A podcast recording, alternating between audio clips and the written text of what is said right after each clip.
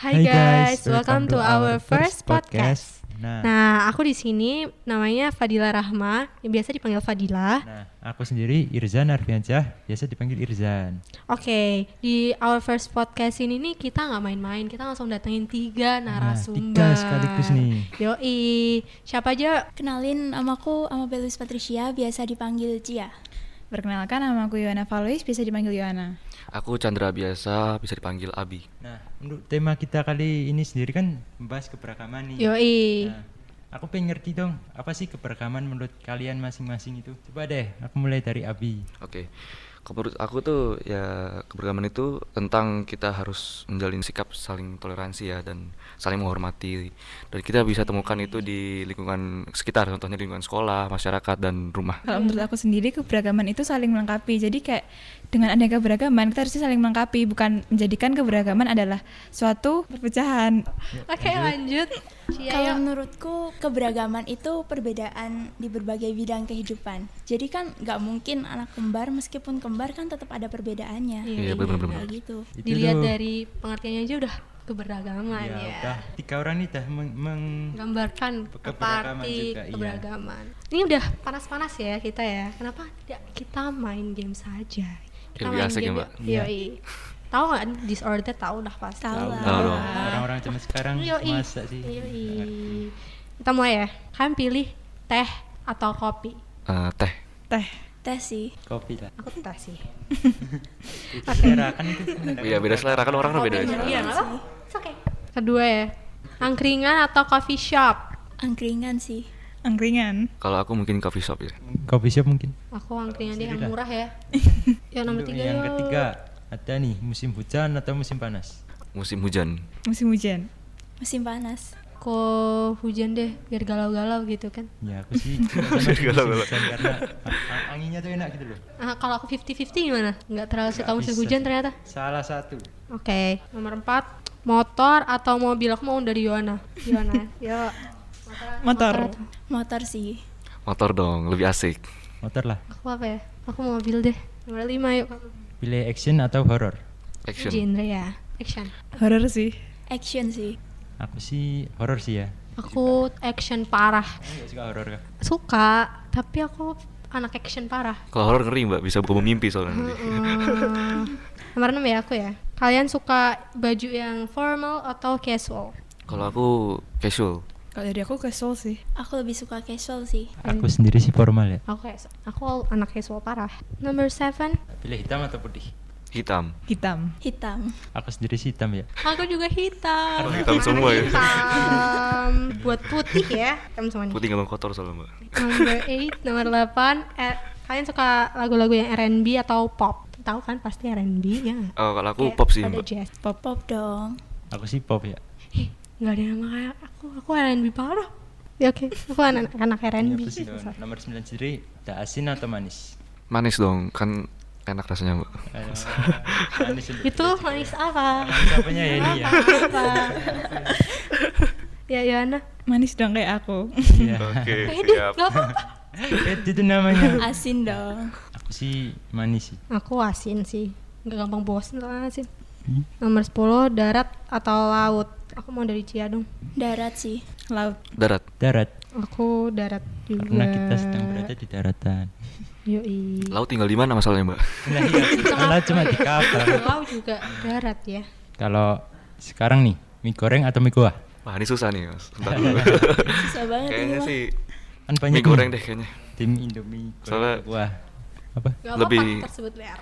Bukan sponsor ya nih ya maaf bukan sponsor. Ya karena Indomie kan kalau eh kalau mie goreng itu kan gitu kan. kalau mie goreng kan apa ya udah dikenal masyarakat di luar sana ya nggak cuma di Indonesia Iya. doang. Ya banyak kan udah Iya. menyebar di seluruh, negeri mungkin ya.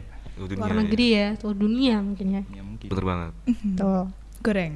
goreng. Mie goreng sih, soalnya kan candu banget tuh. Wah, Apanya tuh yang candu? kok gitu? Rasanya. Bumbunya candu ya. candu banget. Aku apa? sendiri sih kuah karena lebih nikmat gitu aja. Aku goreng sih, aku gak terlalu suka Ah, yang panas-panas. Nomor 12 ya aku. Kan suka Instagram atau TikTok anjay. Eh, Instagram deh. Instagram sih. Instagram. Karena Aku sih TikTok ya. Karena video doang isinya tuh kayak Simple ya, Mas? nemenin gabut cantik gitu ya soalnya. Ya banyak or- cantik-cantik juga kan. Itu Instagram sih. Soalnya TikTok tuh kayak rada alay gitu menurutku. Tapi kamu main deh kita eh. Enggak. Ya udah joget bareng ya Mbak nanti. Oh. Boleh tuh. Untuk yang terakhir nih. Pilih sekolah online atau sekolah offline? Ah, sebenarnya ini Nah, plus minus ya karena ada enaknya juga nggak ada nggak enaknya juga. Kalau aku sih mungkin offline aja deh karena bisa ketemu teman-teman. Nah, Offline juga sih. Offline sih. aku sendiri juga offline sih, tapi Kalau online online tetap punya online. Iya, ya. Karena ya gitulah. Itu ya murid. Pelajar sih pasti Iya. tahu sendiri juga. Aku offline juga sih. Pengen ketemu gitu teman-teman kayak gimana ya. Terus sama kangen vibes jajan kayak atau olahraga Iya, atau yang lain gitu kan, sekolah gitu pastilah. Yoi. Oke kita masuk ke main point kali ya, main topiknya kita gitu tentang keberagaman. Nih kita ambil dari salah satu narasumber kita. Aku dari awal tuh udah penasaran banget tuh sama ceritanya. Seseorang ini ya namanya Patricia dulu pernah dibully katanya ya waktu Iya. kelas 1 SD. Boleh diceritain nggak gimana tuh? Oke, bisa? sebenarnya cerita ini udah lama banget sih. Ini kejadian waktu Masih kecil, aku masih bocil itu. Iya, Iya. masih SD juga. masih kelas 1 Bisa SD. dibully It's loh. been 9 tahun yang lalu mungkin. Nah, itu awalnya sih masih senang-senang aja ya masuk sekolah, Iya. ketemu banyak temen, masih fine sih. Sampai dua bulan berlalu, semuanya masih oke. Habis itu di pertengahan semester 1, kejadian gak mengenakan ini mulai. Eh, disclaimer dulu deh itu di mana I mean like kotanya sekolah. atau kota kamu di, Di- Jawa atau Di Jawa, di sekolah dekat rumahku, kebetulan di SD negeri. oh oke oke Jadi kelasku waktu itu dari 35 siswa itu cuman ada tiga anak yang Nasrani. Oh iya. oh Jadi Indonesia. terasa banget lah Iya, perbedaannya gimana. Bener. Dan dari tiga anak yang Nasrani ini cuman aku yang cewek. oh yang lainnya cowok berarti ya Iya, yang lainnya cowok. Jadi gitulah. Terus suatu ketika tuh ada salah satu teman cewekku yang dia anti banget sama anak yang beragama berkeyakinan lain daripada dia gitu. Ada. Ada. SD itu. SD. iya itu ya keren iya banget iya sih. bener bener bener, bener, bener. Dan buat makanya kayak secara logika nggak mungkin lah anak sekecil itu udah tahu gitu dia loh. nggak punya pikiran tuh satu SD Tapi itu beneran kejadian. Dia tuh nggak nggak pernah mau yang namanya deket-deket sama aku atau main bareng seanti itu seanti itu. Zaman sekecil itu padahal. Iya. Aku awalnya sih fine fine aja ya kayak yang kalau lu mau temenan sama gue ya oke kalau enggak ya udah gitu. iya Iya, iya. Kayak Terus gitu. suatu ketika dia mulai ngehasut teman-temanku buat ngejauhin aku. tipikal anak SD banget tuh Iya. betul betul betul, betul. Awalnya sih kayak dia cuman menghasut satu dua anak, tapi lama kelamaan hampir semua. Dan satu kelas itu kecuali dua cowok yang Nasrani. satu agama sama aku itu yang masih stay. Lainnya udah langsung kayak ngejauhin, bener-bener kelihatan banget tuh Iya, ngejauhinnya kelihatan banget. Awalnya aku nggak tahu sih motifnya dia seperti itu tuh ngapa. Karena juga kita nggak pernah ngobrol, Iya.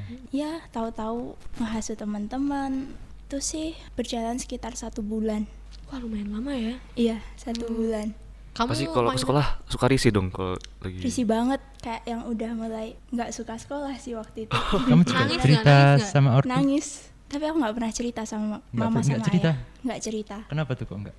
karena aku tuh bukan tipe anak yang gampang terbuka sama orang tua waktu itu. Oh, padahal Jadi sekarang kecil iya ya? berarti Iya. juga semenjak kejadian itu sih lebih tepatnya. Puncaknya itu suatu hari dia mulai datengin aku. Si orangnya yang hasut ini? Iya. Oke. Si anak itu datengin aku. Dia nggak ngomong apa-apa di situ ada LKS buku LKS anak SD itu loh yang Iya. yang tipis dia datang dia sobek Kasih siapa tuh yang disobek? L- LKS ku bener-bener disobek Sekejam itu. Padahal kamu nggak ngelakuin apa pun. nggak sama sekali deket ngomong sama dia pun nggak Terus di situ kamu ini nggak kayak marah atau enggak diem doang gitu?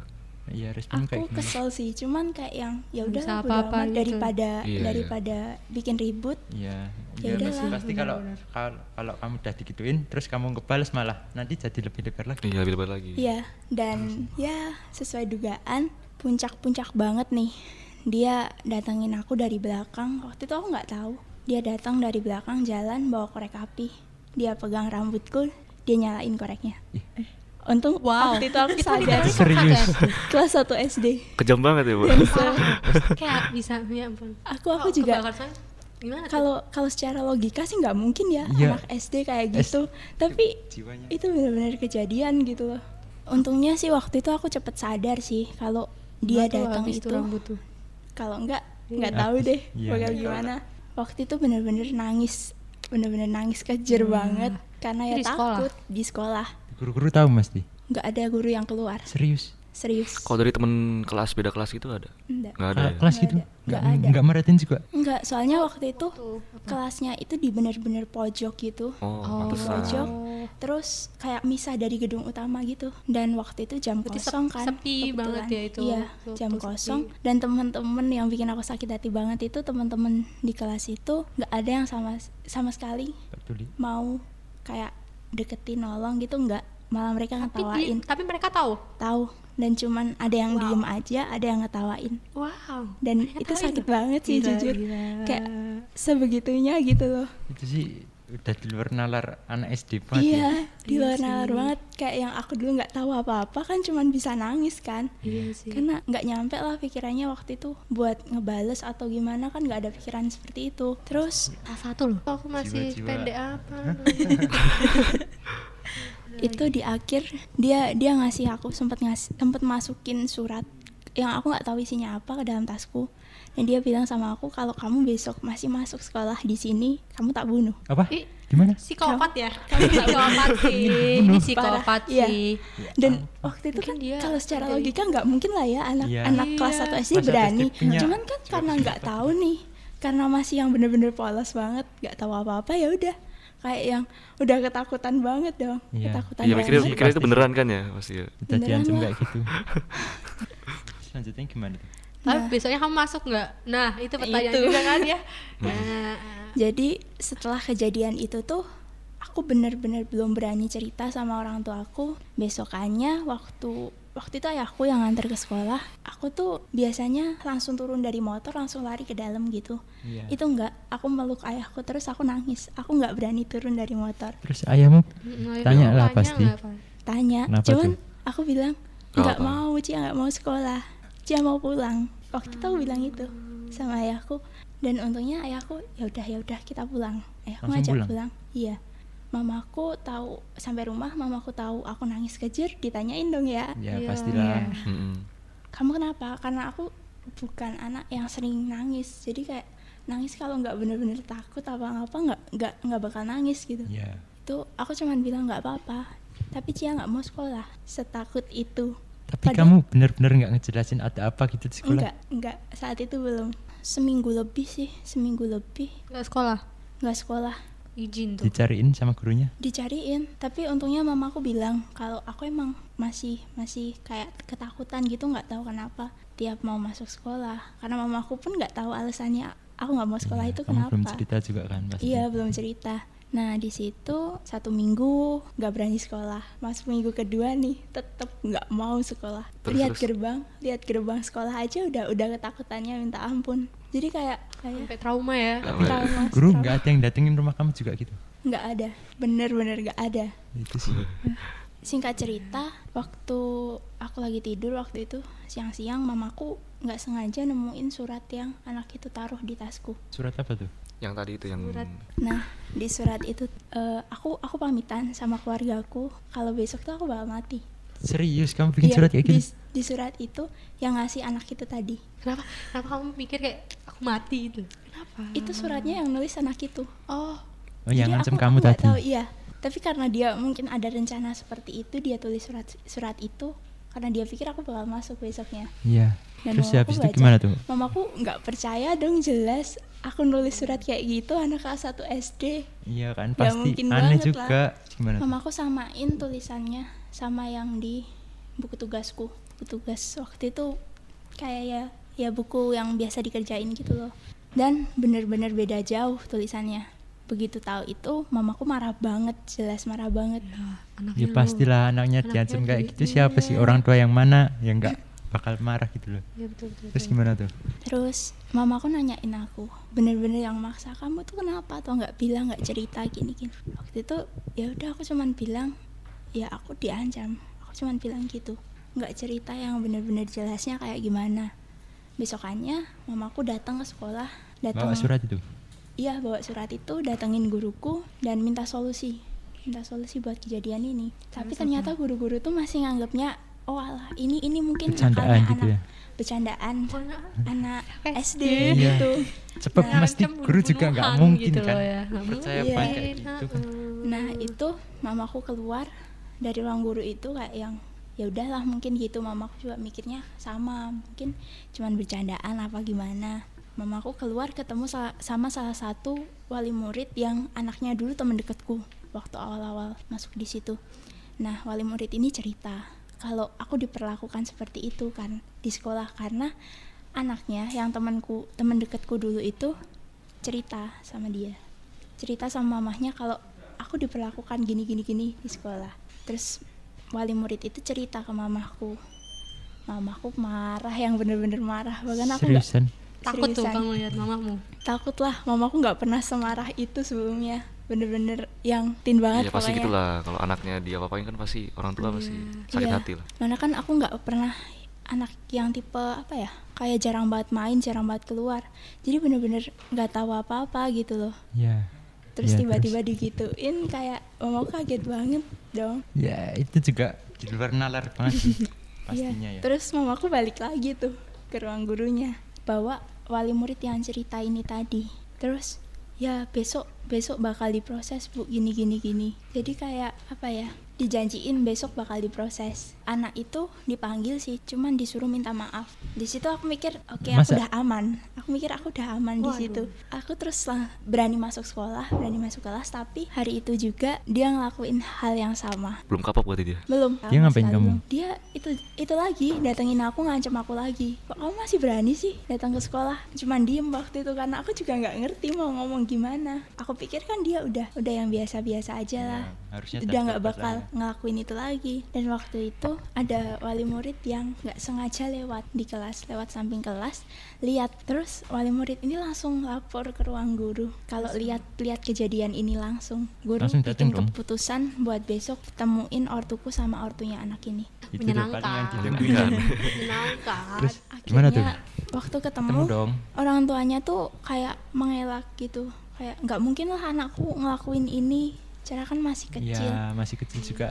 Ibu. tapi Dan- itu emang nyata gitu loh Iya nyata kayak yang yang ngalamin kan kita gitu. Ah, iya Orang tuanya mungkin nggak tahu, mungkin anaknya di rumah sih baik-baik aja. Tapi di sini gimana kan nggak tahu. Dan masalah itu tuh nggak nemu jalan keluar sama sekali. Terus akhirnya mamaku secara tegas bilang ke kepala sekolah, kalau sekolah nggak bisa nggak bisa nyelesain nyelesain masalah Hmm. ini, ya udah anak saya saya pindah. Gurunya tidak tegas. Dan besokannya aku nggak berani, bener-bener yang nggak berani. nggak berani datang sekolah Iya, terus mamaku mikir yang kalau kayak gini terus ya ruginya di aku Iya. karena nggak dapet pelajaran. Nanti gimana? Mamaku mikir iya gitu. kelasnya nggak nyaman kan Iya nggak nyaman.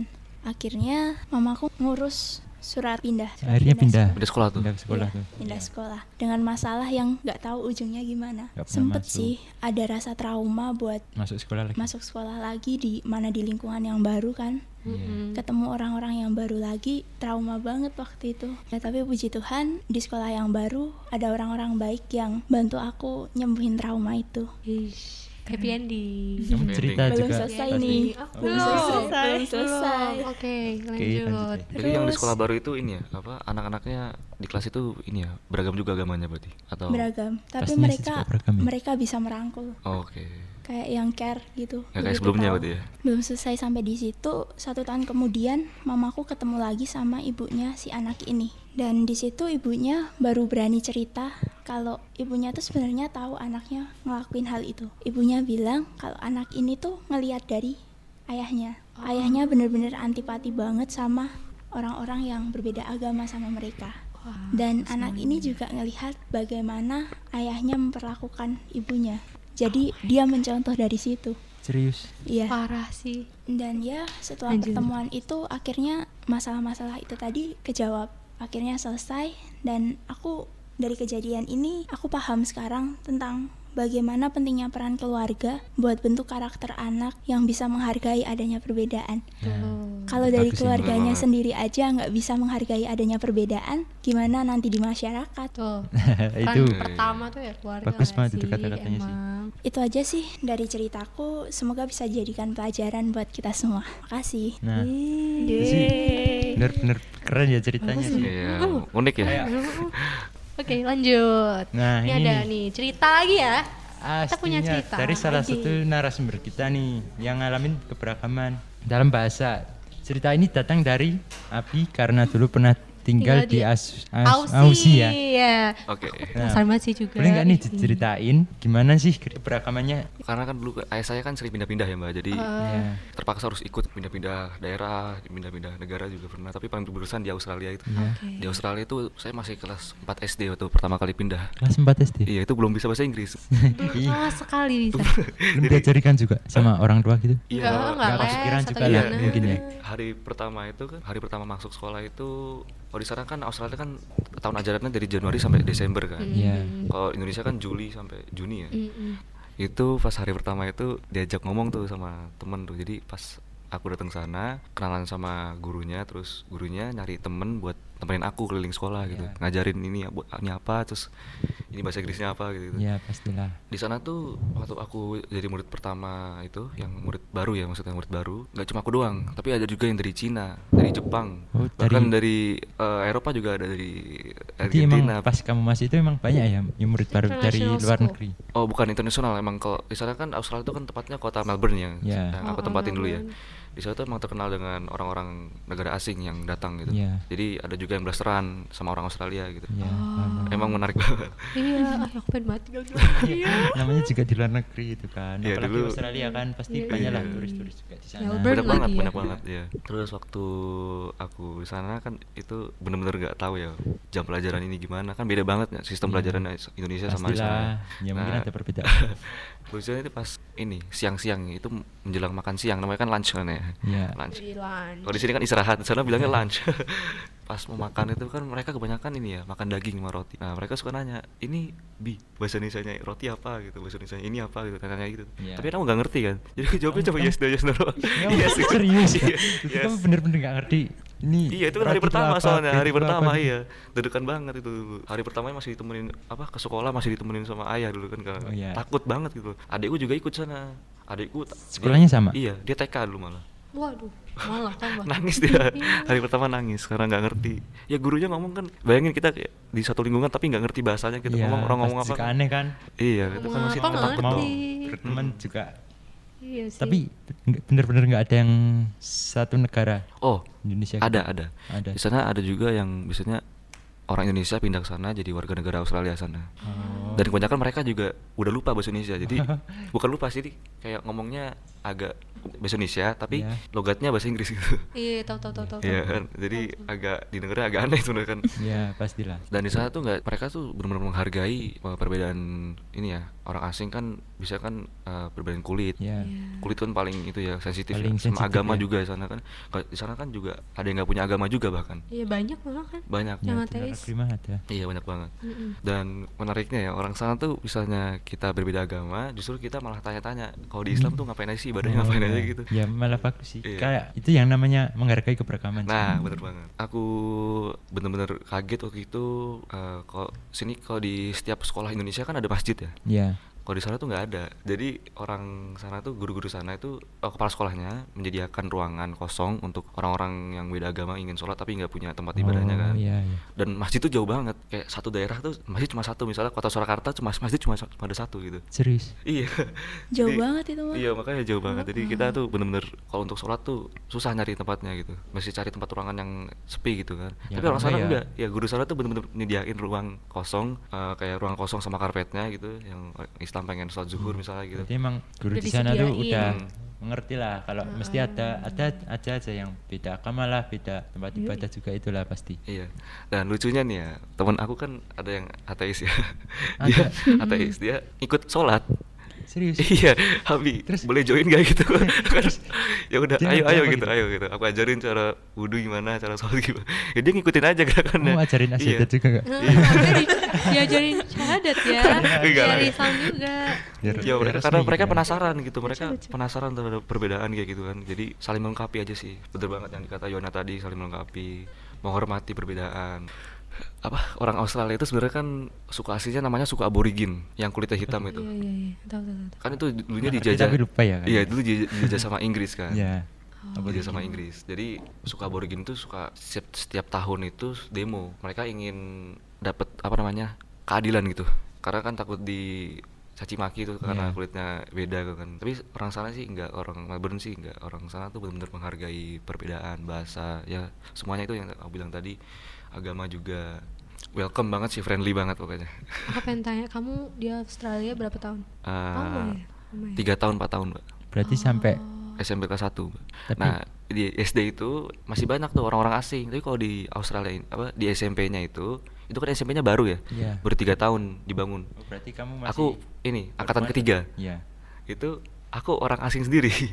Yang sana orang yang lainnya teman-temanku orang Australia asli semua gitu. Jadi Tapi kamu udah udah bisa bahasa Inggris kan gak kayak sebelumnya ya. ya Tiga tahun kan iya masa. udah tiga tahun masih Iya. bisa yang aku kira itu awalnya mereka tuh membuli beda kulit gitu ya mbak Iya. beda bisa orang India kan woto woto bisa gitu kan tuh Enggak, ini mereka Boto, enggak enggak ngatain malah. Ma- Maksudnya enggak tetap malah penasaran gitu. Di India tuh ada apa sih kok ibu kotanya apa gitu. Apa uangnya apa gitu penasaran. malah pengen tahu ya Pengen tahu ya penasaran. Jadi emang budaya di sana tuh emang welcome sama adanya per- perbedaan sama keberagaman kan. Iya, Emang friendly gitu. Benar-benar friendly gitu. karena kota banget juga maksudnya kan dari dulu udah mereka udah open minded Iya, kali ya udah. juga Iya.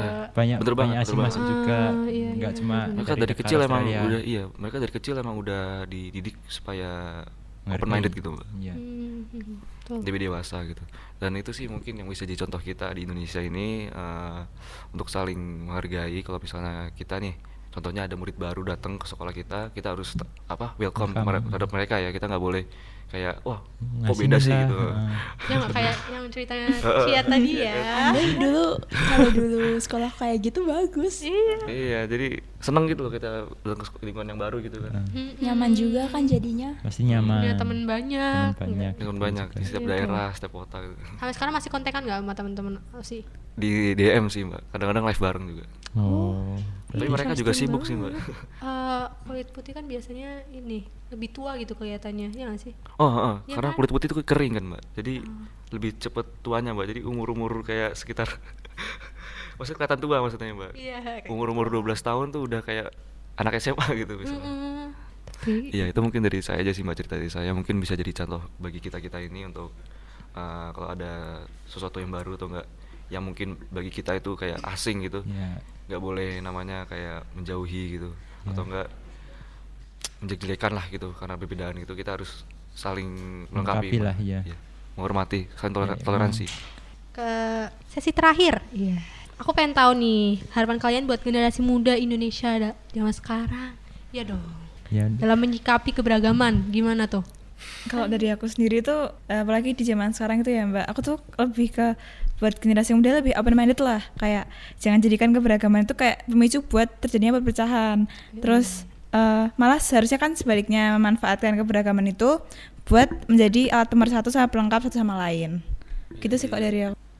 Aku cuman pengen berharap juga buat kita semua, buat generasi muda supaya nggak menganggap keberagaman itu sebagai penghalang. Tapi sebaliknya, kita sebagai generasi muda harus memiliki pandangan bahwa keberagaman itu dapat menyatukan.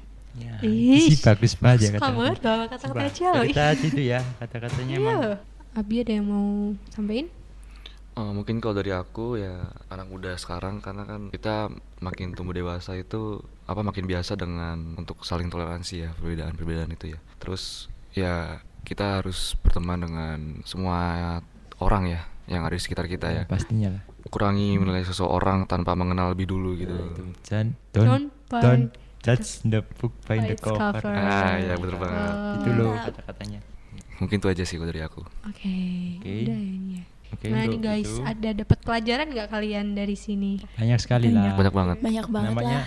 Time beda. kita itu Sangat memang menginspirasi. udah harus sadar akan adanya keberagaman kita harus bisa menghargai terus sama kita harus bisa friendly gitu ke semua orang kayak yang dikatakan Nabi tadi. Bener banget. Ya, udah. Harus menanamkan perbedaan itu normal. Ya. Yoi. Oke okay, guys. Oke, okay, saya Irzan di sini. Mengucapkan terima kasih. Dan mengucapkan makasih. Bye. Bye.